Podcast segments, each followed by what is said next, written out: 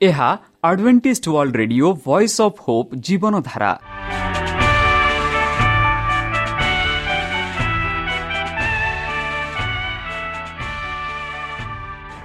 Odia radio କାର୍ଯ୍ୟକ୍ରମ ଯାହା ଆମର ଆନ୍ତର୍ଜାତୀୟ ଆଘାତ କେନ୍ଦ୍ରରୁ ପ୍ରସାରଣ କରାଯାଉଛି ପ୍ରତିଦିନ ରାତି ନଅଟା ତିରିଶ ମିନିଟ୍ରେ। ମୁଁ ସୁବ୍ରତ କୁମାର ପତି ପ୍ରେମର ସହ ଆପଣମାନଙ୍କୁ ଏହି କାର୍ଯ୍ୟକ୍ରମକୁ ସ୍ୱାଗତ କରୁଅଛି। ଚାଲନ୍ତୁ ଆଜିର ତିରିଶ ମିନିଟ୍ର କାର୍ଯ୍ୟକ୍ରମ ବିଷୟରେ ଜାଣିନେବା। ପ୍ରଥମେ ରଖିଛୁ ଆଧ୍ୟାତ୍ମିକ ଭକ୍ତିମୟ ଗୀତ। ଏହାପରେ ଶୁଣିବା ସ୍ୱାସ୍ଥ୍ୟ ବିଷୟରେ ଯାହା ଆମର ଦୈନିକ ଜୀବନରେ ଅତ୍ୟନ୍ତ ଜରୁରୀ। ଆଉ ପରିଶେଷରେ ଶୁଣିବା ପରମେଶ୍ୱରଙ୍କ ଭକ୍ତଙ୍କଠାରୁ ଜୀବନଦାୟକ ଈଶ୍ୱରଙ୍କ ବାକ୍ୟ। ପ୍ରିୟ ଶ୍ରୋତା ତାହେଲେ ଚାଲନ୍ତୁ ଶୁଣିବା ଏକ ଆଧ୍ୟାତ୍ମିକ ଭକ୍ତିମୟ ଗୀତ।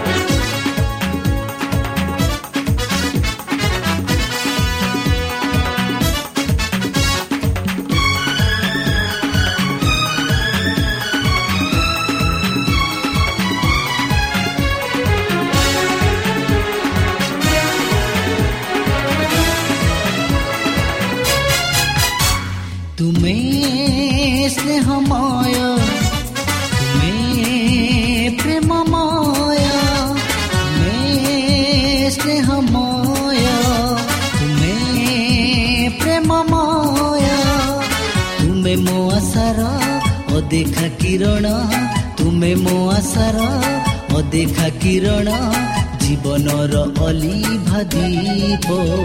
ତୁମେ ସ୍ନେହମୟ ତୁମେ ପ୍ରେମମୟ।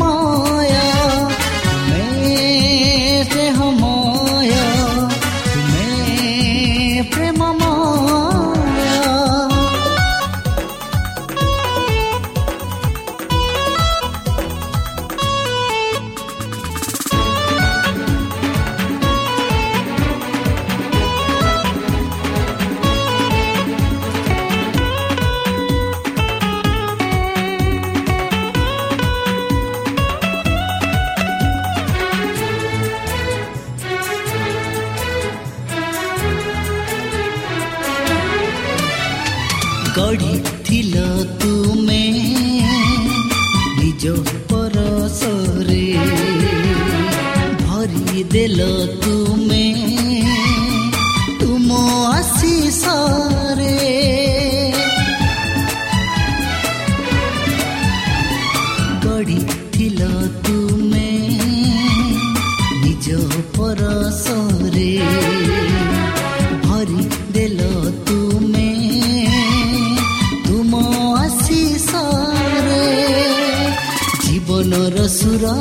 छन्द्रुमे प्रभु जीवन रसुर छन्द्रुमे प्रभु।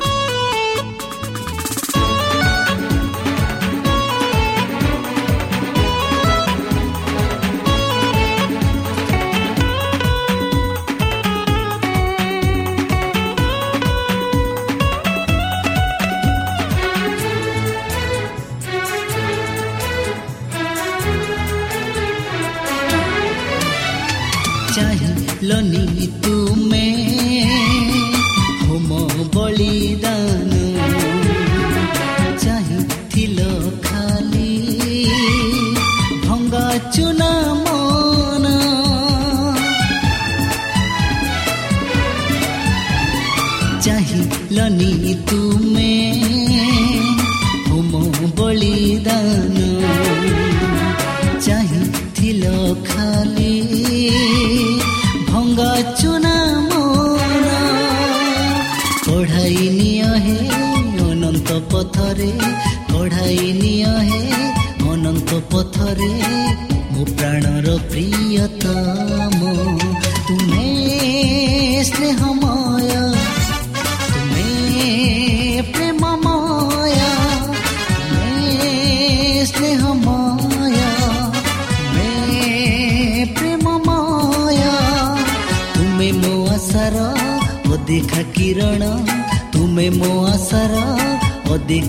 ରଣ ଜୀବନର ଅଲିଭା ଦୀପ।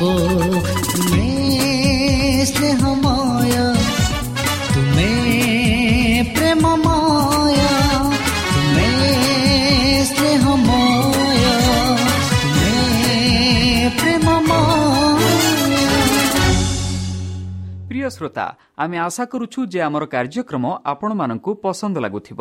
ଆପଣଙ୍କର ମତାମତ ଜଣାଇବା ପାଇଁ ଆମର ଏହି ଠିକଣାରେ ଯୋଗାଯୋଗ କରନ୍ତୁ ଆମ ଠିକଣା Advantage Media Centre SDA mission compound Salisbury Park Pune ଚାରି ଏକ ଏକ ଶୂନ ତିନି ସାତ ମହାରାଷ୍ଟ୍ର ବା ଖୋଲନ୍ତୁ ଆମର ୱେବସାଇଟ୍ ଯେକୌଣସି Android phone smartphone desktop laptop କିମ୍ବା ଟ୍ୟାବ୍ଲେଟ୍ ଆମର website W W W dot A W R dot O R G slash O R I ଏବଂ W W W dot Adventist Media Centre India dot O R G ବର୍ତ୍ତମାନ ଚାଲନ୍ତୁ ଶୁଣିବା ଈଶ୍ୱରଙ୍କ ଭକ୍ତଙ୍କଠାରୁ ଈଶ୍ୱରଙ୍କ ଜୀବନଦାୟକ ବାକ୍ୟ। ନମସ୍କାର ପ୍ରିୟ ଶ୍ରୋତା ସେହି ସର୍ବଶକ୍ତି ସର୍ବଜ୍ଞାନୀ ପ୍ରେମର ସାଗର ଦୟାମୟ ଅନ୍ତର୍ଜମୀ ଅନୁଗ୍ରହ ପରମ ପିତାଙ୍କ ମଧୁର ନାମରେ ମୁଁ ପାଷ୍ଟ ପୂର୍ଣ୍ଣ ଚନ୍ଦ୍ର ଆଉ ଥରେ ଆପଣମାନଙ୍କୁ ଏହି କାର୍ଯ୍ୟକ୍ରମରେ ସ୍ୱାଗତ କରୁଅଛି। ସେହି ପରମ ପିତା ଆପଣମାନଙ୍କୁ ଆଶୀର୍ବାଦ କରନ୍ତୁ। ଆପଣଙ୍କୁ ସମସ୍ତ ପ୍ରକାର ଦୁଃଖ କଷ୍ଟ ବାଧା କ୍ଲେଶ ଓ ରୋଗରୁ ଦୂରେଇ ରଖୁ। ଶତ୍ରୁ ସଚେତନ ହସ୍ତରୁ ସେ ଆପଣମାନଙ୍କୁ ସୁରକ୍ଷାରେ ରଖନ୍ତୁ। ବିଶେଷ ଭାବରେ ବର୍ତ୍ତମାନ ଯେଉଁ କରୋନା ମହାମାରୀ ସାରା ପୃଥିବୀକୁ ଆପଣ ପ୍ରଭାବ ଦେଖାଉଅଛି ସେହି ପ୍ରଭାବରୁ ସେହି ପରମେଶ୍ୱର ଆପଣମାନଙ୍କୁ ସୁରକ୍ଷାରେ ରଖନ୍ତୁ। ତାହାଙ୍କ ପ୍ରେମ ତାହାଙ୍କ ସ୍ନେହ ତାହାଙ୍କ କୃପା ତାହାଙ୍କ ଶାନ୍ତି ଓ ତାହାଙ୍କ ଅନୁଗ୍ରହ ସଦାସର୍ବଦା ଆପଣଙ୍କଠାରେ ସହବର୍ତ୍ତୀ ରହୁ। ପ୍ରିୟ ଶ୍ରୋତା ଚାଲନ୍ତୁ ଆଜି ଆମ୍ଭେମାନେ କିଛି ସମୟ ପବିତ୍ର ଶାସ୍ତ୍ର ବାଇବଲଠୁ ତାହାଙ୍କ ଜୀବନଦାୟକ ବାକ୍ୟ ଧ୍ୟାନ କରିବା। ଆଜିର ଆଲୋଚନା ହେଉଛି ଯଦି ସେମାନେ ଜହନଙ୍କୁ ବିଶ୍ୱାସ କରିଥାନ୍ତେ। ବନ୍ଧୁ ଆମେ ଗତକାଲି ଯେପରି ଯୀଶୁଖ୍ରୀଷ୍ଟ ସେହି ମନ୍ଦିରକୁ ସଫା କରିଥିଲେ ଆଉ ଏହି ବିଷୟରେ ଜହନ ବି ଶିକ୍ଷା ଦେଇଥିଲେ। ଯେପରି ସେ କହିଲେ ଯେଉଁ ମନ୍ଦିର ଶିକ୍ଷା ଦେଇଥିଲେ ସେହି ମନ୍ଦିରର ମରାମତି କରି ସେମାନେ ତାଙ୍କୁ ପ୍ରଶ୍ନ କରିବାକୁ ଲାଗିଥିଲେ। ତୁମେ ଏସବୁ ଅଧିକାର କେଉଁ ଜିନିଷରେ କର ବୋଲି ସେ କହିଥିଲେ। କିଏ ତୁମକୁ ଏହି ଅଧିକାର ଦେଲା? ସେମାନେ ଆଶା କରିଥିଲେ ଯେ ତାଙ୍କର ଅଧିକାର ଈଶ୍ୱରଙ୍କ ଠାରୁ ଆସୁଛି। ଏପରି ଏକ ଧାରଣା ସେମାନେ ଅସ୍ୱୀକାର କରିଥିବାକୁ ଚାହୁଁଥିଲେ। କିନ୍ତୁ ଯୀଶୁ ଅନ୍ୟ ଏକ ବିଷୟ ସହିତ ଏକ ପ୍ରଶ୍ନ ସହିତ ସେମାନଙ୍କୁ ଭେଟିଥିଲେ ଏବଂ ଏହି ପ୍ରଶ୍ନର ଉତ୍ତର ଉପରେ ସେ ସେମାନଙ୍କୁ ଉତ୍ତର ଦେଇ କହିଲେ ଜହନଙ୍କ ବାପ୍ତିଷ୍ମ କେଉଁଠାରୁ ଆସିଥିଲା? ସ୍ୱର୍ଗରୁ ନା ମନୁଷ୍ୟମାନଙ୍କ ଠାରୁ ପୁରୋହିତମାନେ ଦେଖିଲେ ଯେ ସେମାନେ ଏକ ଦ୍ୱନ୍ଦ୍ୱରେ ଅଛନ୍ତି ଯେଉଁଥିରୁ କୌଣସି କୋଶିଶ ସେମାନଙ୍କୁ ବାହାର କରିପାରିବ ନାହିଁ। ଯଦି ସେମାନେ କହିଥିଲେ ଯେ ଜହନଙ୍କ ବାପ୍ତିଷ୍ମ ସ୍ୱର୍ଗରୁ ଆସିଛି ତେବେ ସେମାନଙ୍କ ଅସଙ୍ଗୀତ ସ୍ପଷ୍ଟ ହୋଇଯିବ। ପୃଷ୍ଟ କହିବେ ତୁମେ କାହିଁକି ତାଙ୍କ ଉପରେ ବିଶ୍ୱାସ କରିନାହାନ୍ତି? ଜହନ କୃଷ୍ଣଙ୍କ ବିଷୟରେ ସାକ୍ଷ୍ୟ ଦେଇ କହିଥିଲେ ଦେଖ ଈଶ୍ୱରଙ୍କ ମେଷ ଶାବକ ଯାହା ଜଗତର ପାପ ଦୂର କରେ ଏହିପରି ଜହନରେ ଜହନ ପ୍ରକାଶିତ କରିଥିଲା। ଯଦି ଯାଜକମାନେ ଜହନଙ୍କ ସାକ୍ଷ୍ୟକୁ ବିଶ୍ୱାସ କଲେ ସେମାନେ କିପରି ଖ୍ରୀଷ୍ଟଙ୍କ ଖ୍ରୀଷ୍ଟ ଧର୍ମକୁ ଅସ୍ୱୀକାର କରିପାରିବେ? ଯଦି ସେମାନେ ସେମାନଙ୍କ ପ୍ରକୃତ ବିଶ୍ୱାସ ଘୋଷଣା କଲେ ଯେ ଜହନଙ୍କ ସେବା ମନୁଷ୍ୟର ତେବେ ସେମାନେ ନିଜ ଉପରେ କ୍ରୋଧିତ ଆଣିବେ। କାରଣ ଲୋକମାନେ ଜହନଙ୍କୁ ଗ୍ରହଣ ଭବିଷ୍ୟତ ବକ୍ତା ବୋଲି ବିଶ୍ୱାସ କରୁଥିଲେ। ପ୍ରବଳ ଆଗ୍ରହ ସହିତ ଜନତା ଏହି ନିଷ୍ପତ୍ତିକୁ ଅପେକ୍ଷା କରିଥିଲେ। ସେମାନେ ଜାଣିଥିଲେ ଯେ ଯାଜକମାନେ ଜହନଙ୍କ ସେବା ଗ୍ରହଣ କରିବାକୁ ସ୍ୱୀକାର କରିଛନ୍ତି ଏବଂ ସେମାନେ ଈଶ୍ୱରଙ୍କ ଠାରୁ ପଠାଯାଇଥିବା ପ୍ରଶ୍ନ ବିନା ସେମାନେ ସ୍ୱୀକାର କରିବେ ବୋଲି ଆଶା କରିଥିଲେ।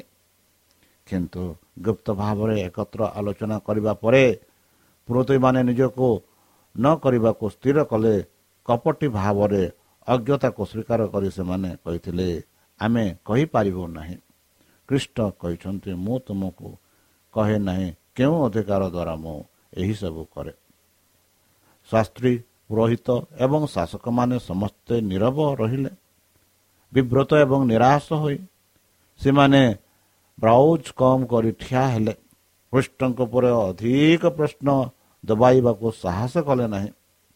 ସେମାନଙ୍କ ଭୟଭୀତତା ଏବଂ ଅନିର୍ଦ୍ଦିଷ୍ଟତା ଦ୍ୱାରା ସେମାନେ ବହୁ ପରିମାଣରେ ଲୋକଙ୍କ ସମ୍ମାନ ହରାଇଲେ ଯେଉଁମାନେ ବର୍ତ୍ତମାନ ଠିଆ ହୋଇଥିଲେ ଏହି ଗର୍ଭୀ ଆତ୍ମାଧାର୍ମିକ ବ୍ୟକ୍ତିମାନଙ୍କୁ ପରାସ୍ତ କରି ଦେଖି ଆଶ୍ଚର୍ଯ୍ୟ ହୋଇଗଲେ କୃଷ୍ଣଙ୍କର ଏହି ସମସ୍ତ ବାକ୍ୟ ଏବଂ କାର୍ଯ୍ୟଗୁଡ଼ିକ ଗୁରୁତ୍ୱପୂର୍ଣ୍ଣ ଥିଲା ଏବଂ ସେମାନଙ୍କର ପ୍ରଭାବ କୃଷବିଧ ହେବା ଏବଂ ଆରୋହଣ ପରେ କ୍ରମାଗତ ଭାବରେ ବୃଦ୍ଧି ପାଇବାକୁ ଲାଗିଲା। ଯେଉଁମାନେ ଯୀଶୁଙ୍କ ପ୍ରଶ୍ନର ଫଳାଫଳକୁ ଉକ୍ତାଣ୍ଡ ସହ ଅପେକ୍ଷା କରିଥିଲେ ସେମାନଙ୍କ ମଧ୍ୟରୁ ଅନେକ ଶେଷରେ ତାଙ୍କ ଶିଷ୍ୟ ହେବାକୁ ଲାଗିଲେ। ସେହି ଘଟଣାରେ ପ୍ରଥମ ତାଙ୍କ ବାକ୍ୟ ଦ୍ୱାରା ତାଙ୍କ ଆଡ଼କୁ ଆକର୍ଷିତ ହେଲେ ବନ୍ଧୁ। ମନ୍ଦିର କୋର୍ଟରେ ଥିବା ଦୃଶ୍ୟ ସେମାନଙ୍କ ମନରୁ କେବେ ବି ଲୋପ ପାଇବ ନାହିଁ। ଯୀଶୁ ଏବଂ ମହାଯାଜକ ଏକତ୍ର କଥାବାର୍ତ୍ତା କଲାବେଳେ ପାର୍ଥକ୍ୟ ଚିହ୍ନ ତ ହେଲା ମନ୍ଦିର ଗର୍ଭୀ ମାନ୍ୟଗଣ୍ୟ ଧନୀ ଏବଂ ମହଙ୍ଗା ପୋଷାକ ପିନ୍ଧିଥିଲେ। ତାଙ୍କ ମୁଣ୍ଡ ଉପରେ ଏକ ଚମତ୍କାରୀ ମୁକୁଟ ଥିଲା। ତାଙ୍କର ଭାରି ମହାନ ଥିଲା। କେଶ ଏବଂ ଲମ୍ବା ପ୍ରବାହିତ ବୟସ ଅନୁଆୟୀ ରୂପା ହୋଇଯାଇଥିଲା। ତାଙ୍କର ରୂପ ଦର୍ଶକକୁ ଭୟଭୀତ କଲା। ଏହି ଅଗଷ୍ଟ ବ୍ୟକ୍ତିତ୍ୱ ପୂର୍ବରୁ ସ୍ୱର୍ଗର ମହିମା ଶୋଭା କିମ୍ବା ପ୍ରଦର୍ଶନ ବିନା ଠିଆ ହୋଇଥିଲେ। ତାଙ୍କର ବସ୍ତ୍ର ବ୍ରହ୍ମାଣ୍ଡ ଦ୍ୱାରା ଦାଗ ଥିଲା। ତାଙ୍କ ଚେହେରା ଫିକା ଏବଂ ରୋଗୀ ଦୁଃଖ ପ୍ରକାଶ କଲେ।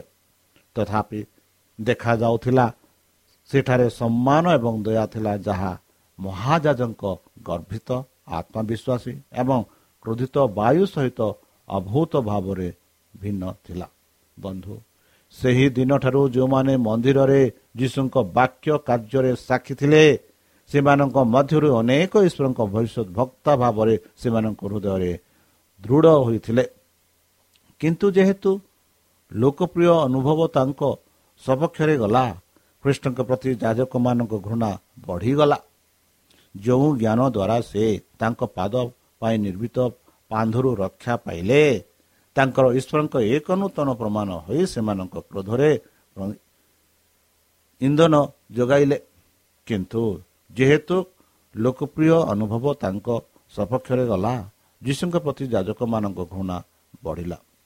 ଯେଉଁ ଜ୍ଞାନ ଦ୍ୱାରା ସେ ତାଙ୍କ ପାଦ ପାଇଁ ନିର୍ମିତ ଫାନ୍ଦରୁ ରକ୍ଷା ପାଇଲେ ବନ୍ଧୁ ତାଙ୍କର ଈଶ୍ୱରଙ୍କ ଏକ ନୂତନ ପ୍ରମାଣ ହୋଇ ସେମାନଙ୍କ କ୍ରୋଧର ଇନ୍ଧନ ଯୋଗାଇଲା। କିନ୍ତୁ ଯେହେତୁ ଲୋକପ୍ରିୟ ଅନୁଭବ କରିଥିଲେ ବନ୍ଧୁ। ରାବଣମାନେ ସହିତ ତାଙ୍କର ପ୍ରତିଯୋଗିତାରେ ତାଙ୍କ ବିରୋଧୀକୁ ଅପମାନିତ କରି କୃଷ୍ଣଙ୍କ ଉଦ୍ଦେଶ୍ୟ ନୁହେଁ। ସେ ସେମାନଙ୍କୁ କଠିନ ସ୍ଥାନରେ ରଖି ଖୁସି ନଥିଲେ। ତାଙ୍କ ଶିକ୍ଷା ଥିଲା। ସେ ତାଙ୍କ ଶତ୍ରୁମାନଙ୍କୁ ତାଙ୍କ ପାଇଁ ବିସ୍ତାର କରିଥିବା ଜାଲରେ ବାନ୍ଧି ରଖିବାକୁ ଅନୁମତି ଦେଇ ମୃତ୍ୟୁବରଣ କରିଥିଲେ।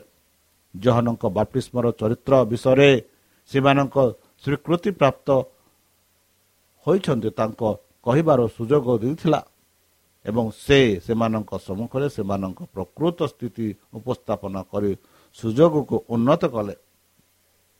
ପୂର୍ବରୁ ଦିଆଯାଇଥିବା ଅନେକକୁ ଆଉ ଏକ ଚେତାବନୀ ଯୋଗ କଲା ବନ୍ଧୁ ତୁମେ କ'ଣ ଜାଣୁଛ? ସେ କହିଲା କଣେ? ଜଣେ ନିର୍ଦ୍ଦିଷ୍ଟ ଲୋକଙ୍କ ଦୁଇଟି ପୁତ୍ର ଥିଲେ। ସେ ପ୍ରଥମ ନିକଟକୁ ଆସି କହିଲେ ପୁତ୍ର ଆଜି ମୋର ଦ୍ରାକ୍ଷା କ୍ଷେତ୍ରରେ କାମ କର। ସେ ଉତ୍ତର ଦେଲେ ମୁଁ କରିବି ନାହିଁ। କିନ୍ତୁ ପରେ ସେ ଅନୁତାପ କରି ଚାଲିଗଲେ ଏବଂ ଦ୍ୱିତୀୟକୁ ଆସିଲେ। ସେ ଉତ୍ତର ଦେଲେ ମୁଁ ଯାଏ। ମହାଶୟ କିନ୍ତୁ ଯାଇ ନଥିଲା ସେମାନଙ୍କ ମଧ୍ୟରୁ ଦୁଇ ଜଣ ତାଙ୍କ ପିତାଙ୍କୁ ଇଚ୍ଛା କରିଛନ୍ତି କି? ଏକ ଆକସ୍ମିକ ପ୍ରଶ୍ନ ତାଙ୍କ ଶ୍ରୋତାମାନଙ୍କୁ ସେମାନଙ୍କ ରାକ୍ଷୀରୁ ବାହାର କରିଦେଲା। ସେମାନେ ଏହି ଦୃଷ୍ଟାନ୍ତକୁ ଅତି ନିକଟକୁ ଅନୁସରଣ କରୁଥିଲେ ଏବଂ ବର୍ତ୍ତମାନ ତୁରନ୍ତ ଉତ୍ତର ଦେଲେ ପ୍ରଥମ। ଯୀଶୁ ସେମାନଙ୍କ ଉପରେ ଦୃଷ୍ଟି ରଖି ଯୀଶୁ କୋଠର ଦୁଃଖ ସ୍ୱରରେ ଉତ୍ତର ଦେଲେ ମୁଁ ତୁମକୁ ସତ୍ୟ କହୁଛି ଯେ କରଦାତା ଓ ବେଶ୍ୟାମାନେ ତୁମ ସମ୍ମୁଖରେ ପରମେଶ୍ୱରଙ୍କ ବାକ୍ୟକୁ ଯାଆନ୍ତି ବା ରାଜ୍ୟକୁ ଯାଆନ୍ତି କାରଣ ଜହନ ଧାର୍ମିକ ମାର୍ଗରେ ତୁମ ନିକଟକୁ ଆସିଥିଲେ। କିନ୍ତୁ ତାହାକୁ ବିଶ୍ୱାସ କଲ ନାହିଁ। ଯାଜକ ଶାସକମାନେ କୃଷ୍ଣଙ୍କ ପ୍ରଶ୍ନର ସଠିକ ଉତ୍ତର ଦେଇପାରିଲେ ନାହିଁ ଏବଂ ଏହିପରି ଭାବରେ ସେ ପ୍ରଥମ ପୁତ୍ରଙ୍କ ସପକ୍ଷରେ ସେମାନଙ୍କ ମତ ପାଇଲେ। ଏହି ପୁତ୍ର ଫାରୁସୀମାନଙ୍କ ଦ୍ୱାରା ଘୃଣା ଘୃଣ୍ୟ କରୁଥିଲା ଥିବା ଜନସାଧାରଣଙ୍କ ପ୍ରତିନିଧି କରୁଥିଲା। କରଦାତାମାନେ ଅତ୍ୟନ୍ତ ଅନୈତିକ ଥିଲେ ସେମାନେ ପ୍ରକୃତରେ ଈଶ୍ୱରଙ୍କ ନିୟମର ଉଲ୍ଲଙ୍ଘନକାରୀ ଥିଲେ। ସେମାନଙ୍କ ଜୀବନରେ ତାଙ୍କ ଆବଶ୍ୟକତା ପ୍ରତି ସମ୍ପୂର୍ଣ୍ଣ ପ୍ରତିରୋଧ ପ୍ରଦର୍ଶନ କରିଥିଲା। ସେମାନେ ଅଜ୍ଞାତା ଏବଂ ଅପରିଷ୍କାର ଥିଲେ। ଯେତେବେଳେ ପ୍ରଭୁଙ୍କ ଦ୍ରାକ୍ଷାର କ୍ଷେତ୍ରକୁ ଯାଇ କାମ କରିବାକୁ କୁହାଗଲା ସେମାନେ ଏକ ଅବମାନନା ପ୍ରତ୍ୟାଖ୍ୟାନ କଲେ। କିନ୍ତୁ ଯେତେବେଳେ ଜହନ ଆସି ଅନୁତାପ ଏବଂ ବାପ୍ତିଷ୍ମ ପ୍ରଚାର କଲେ କରଦାତାମାନେ ତାଙ୍କ ବାର୍ତ୍ତା ଗ୍ରହଣ କଲେ ଏବଂ ବାପ୍ତିଯୁତ୍ମ ହେଲେ। ଦ୍ୱିତୀୟ ପୁତ୍ର ଜୁହୁଦୀ ଜାତିର ଅଗ୍ରଣୀ ପୁରୁଷମାନଙ୍କ ପ୍ରତିନିଧି କରେ। କେତେକ ଫାରୁସୀମାନେ ଅନୁତାପ କରି ଜହନଙ୍କ ବାପ୍ତିଷ୍ମ ଗ୍ରହଣ କଲେ କିନ୍ତୁ ନେତାମାନେ ସ୍ୱୀକାର କରିବେ ନାହିଁ ଯେ ସେ ଈଶ୍ୱରଙ୍କ ଠାରୁ ଆସୁଅଛନ୍ତି। ତାଙ୍କର ଚେତାବନୀ ଏବଂ ନିନ୍ଦା ସେମାନଙ୍କ ସଂସ୍କାରକୁ ନେଇଥିଲା। ସେମାନେ ବାପ୍ତିସ୍ମତ ନ ହୋଇ ନିଜ ବିରୁଦ୍ଧରେ ଈଶ୍ୱରଙ୍କ ପରାମର୍ଶକୁ ପ୍ରତ୍ୟାଖ୍ୟାନ କଲେ। ସେମାନେ ତାଙ୍କ ବାର୍ତ୍ତାକୁ ଘୃଣା କଲେ। ଦ୍ୱିତୀୟ ପୁତ୍ର ପରି ଯିଏ ଯେତେବେଳେ ଡାକିଲା କହିଲା ମୁଁ ଯାଏ ସାର୍। କିନ୍ତୁ ଯାଇନଥିଲେ ଯାଚକ ଓ ଶାସକମାନେ ଆଜ୍ଞା ପାଳନ କରିଥିଲେ କିନ୍ତୁ ଅପମାନ କଲେ। ସେମାନେ ଧାର୍ମିକତାରେ ମହାନ ବୃତ୍ତି କରିଥିଲେ ବା ଧାର୍ମିକତାରେ ମହାନ ବୃତ୍ତି କରିଥିଲେ। ସେମାନେ ଈଶ୍ୱରଙ୍କ ନିୟମ ପାଳନ କରୁଥିବା ଦାବି କରିଥିଲେ କିନ୍ତୁ ସେମାନେ କେବଳ ମିଥ୍ୟା ଆଜ୍ଞା କରିଥିଲେ। ଫାରୁସୀମାନେ ଅବିଶ୍ୱାସୀ ଭାବରେ ନିନ୍ଦିତ ଅଭିଶାପ ପାଇଲେ। କିନ୍ତୁ ସେମାନେ ସେମାନଙ୍କ ବିଶ୍ୱାସ କାର୍ଯ୍ୟ ଦ୍ୱାରା ଦର୍ଶାଇଲେ ଯେ ସେମାନେ ସେହି ଆତ୍ମା ଧାର୍ମିକ ଲୋକମାନଙ୍କ ଆଗରେ ସ୍ୱର୍ଗରାଜ୍ୟକୁ ଯାଉଥିଲେ। ଯେଉଁମାନଙ୍କୁ ବହୁତ ଆଲୋକ ଦିଆଯାଇଥିଲା କିନ୍ତୁ ଯାହାର କାର୍ଯ୍ୟ ସେମାନଙ୍କ ଧାର୍ମିକତାର ବୃତ୍ତି ସହିତ ମେଳ ଖାଉନଥିଲା ଯାଜକ ଶାସକମାନେ ଏହି ଅନୁସନ୍ଧାନକାରୀ ସତ୍ୟଗୁଡ଼ିକ ବହନ କରିବାକୁ ଅନିଚ୍ଛା ପ୍ରକାଶ କଲେ। ସେମାନେ ଚୁପ୍ ରହିଲେ କିନ୍ତୁ ଆଶା କରୁଥିଲେ ଯେ ଯୀଶୁ ଏପରି କିଛି କହିବେ ଯାହାକୁ ସେମାନେ ତାଙ୍କ ବିରୁଦ୍ଧରେ ଯାଇପାରନ୍ତି କିନ୍ତୁ ସେମାନଙ୍କୁ ଅଧିକ ସହିବାକୁ ପଡ଼ିଲା। ବନ୍ଧୁ ଅନ୍ୟ ଏକ ଦୃଷ୍ଟାନ୍ତ ଶୁଣ। ଖ୍ରୀଷ୍ଟ କହିଲେ ସେଠାରେ ଜଣେ ନିର୍ଦ୍ଦିଷ୍ଟ ଘର ମାଲିକ ଥିଲେ। ଯିଏ ଦ୍ରାକ୍ଷ କ୍ଷେତ୍ର ରୋପଣ କରି ଏହାର ଚତୁର୍ଥ ଦିଗରେ ଘେରି ରହିଲେ ଏବଂ ସେଥିରେ ଏକ ଦ୍ରାକ୍ଷାରସ ଖୋଲିଲେ ଏବଂ ଏକ ଗଡ଼ ନିର୍ମାଣ କଲେ। ଏବଂ ତାହା କୃଷକମାନଙ୍କ ନିକଟକୁ ପଠାଇଲେ ଦୂରଦେଶ। ଏବଂ ଯେତେବେଳେ ଫଳର ସମୟ ପାଇଲା ପାଖେଇ ଆସିଲା ସେ ସେବକମାନଙ୍କୁ କୃଷକମାନଙ୍କ ନିକଟକୁ ପଠାଇଲେ ଯେପରି ସେମାନେ ଏହାର ଫଳ ପାଇବେ। ଏବଂ କୃଷକମାନେ ତାଙ୍କର ସେବକମାନଙ୍କୁ ନେଇ ଜଣକୁ ପିଟିଲେ ଅନ୍ୟ ଜଣକୁ ହତ୍ୟା କଲେ ଏବଂ ଅନ୍ୟକୁ ପଥର ମାରିଲେ। ପୁନର୍ବାର ସେ ଅନ୍ୟ ସେବକଙ୍କୁ ମାନଙ୍କୁ ପ୍ରଥମ ଅପେକ୍ଷା ଅଧିକ ପଠାଇଲେ। ଏବଂ ସେମାନେ ମଧ୍ୟ ସେମାନଙ୍କ ପ୍ରତି ତାହା କଲେ।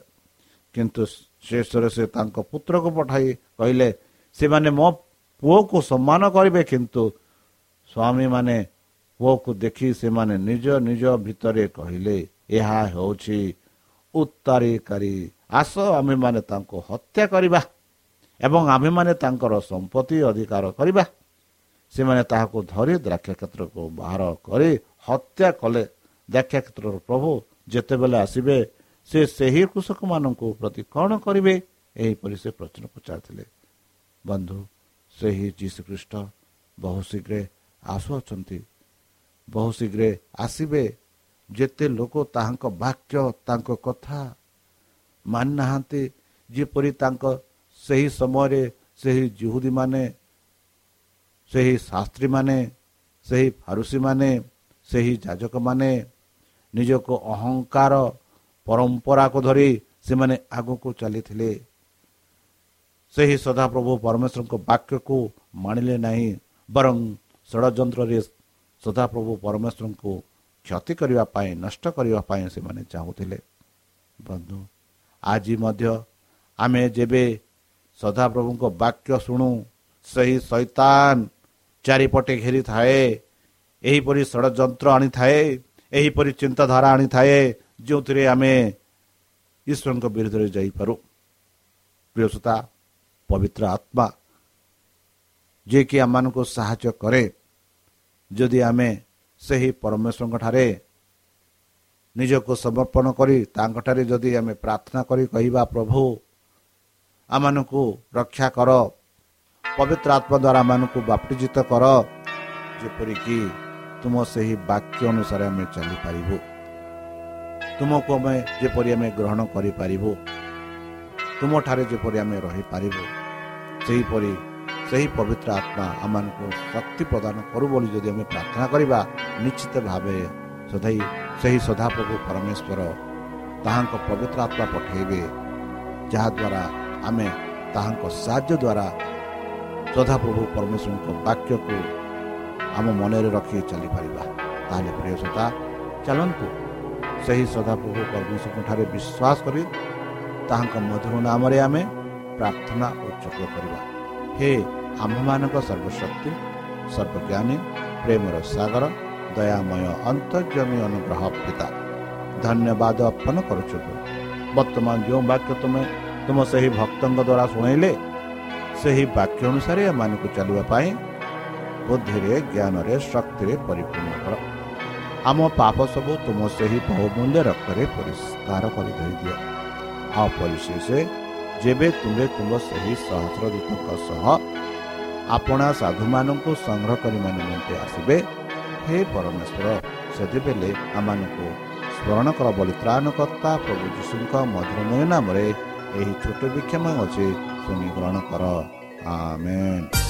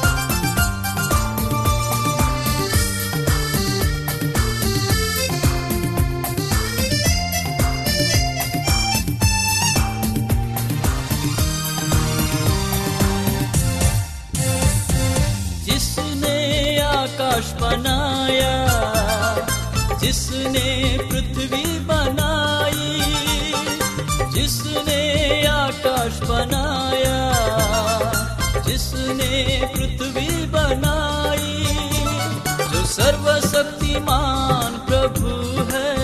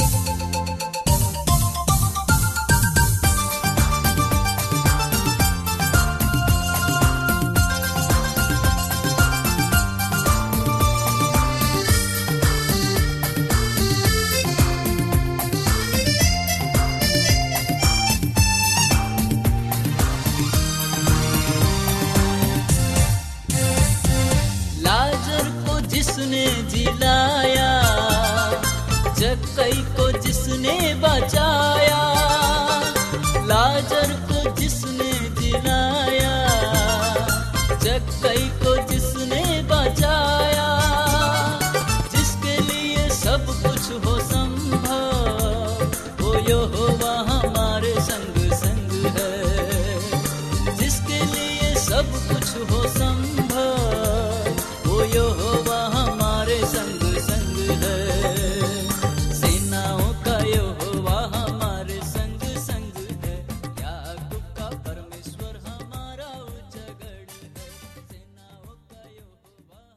প্রিয় শ্রোতা ଆମେ ଆଶା କରୁଛୁ ଯେ ଆମର କାର୍ଯ୍ୟକ୍ରମ ଆପଣମାନଙ୍କୁ ପସନ୍ଦ ଲାଗୁଥିବ ଆପଣଙ୍କର ମତାମତ ଜଣାଇବା ପାଇଁ ଆମର ଏହି ଠିକଣାରେ ଯୋଗାଯୋଗ କରନ୍ତୁ ଆମ ଠିକଣା Advantage Media Centre SDA mission compound Salisbury Park Pune ଚାରି ଏକ ଏକ ଶୂନ ତିନି ସାତ ମହାରାଷ୍ଟ୍ର ବା ଖୋଲନ୍ତୁ ଆମର ୱେବ୍ସାଇଟ୍ ଯେକୌଣସି Android phone smartphone desktop laptop କିମ୍ବା ଟ୍ୟାବ୍ଲେଟ୍ ଆମର website W W W dot A W R dot O R G slash O R I ଏବଂ W W W dot Advantage Media Centre India dot O R G Advantage Media Centre ଇଣ୍ଡିଆର spelling ହେଉଛି A D V E N T I S T M E D I A C E N T R E I N D I A ଅଥବା download କରନ୍ତୁ ଆମର mobile app आपणकर mobile play store को जातु आउ type करन्तु